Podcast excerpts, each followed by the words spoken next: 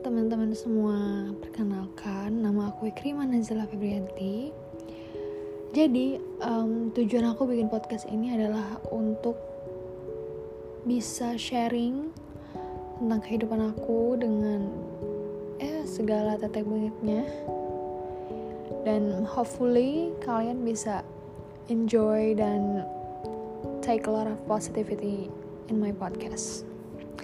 So that's all I think for the introduction. See you on the next podcast. Bye.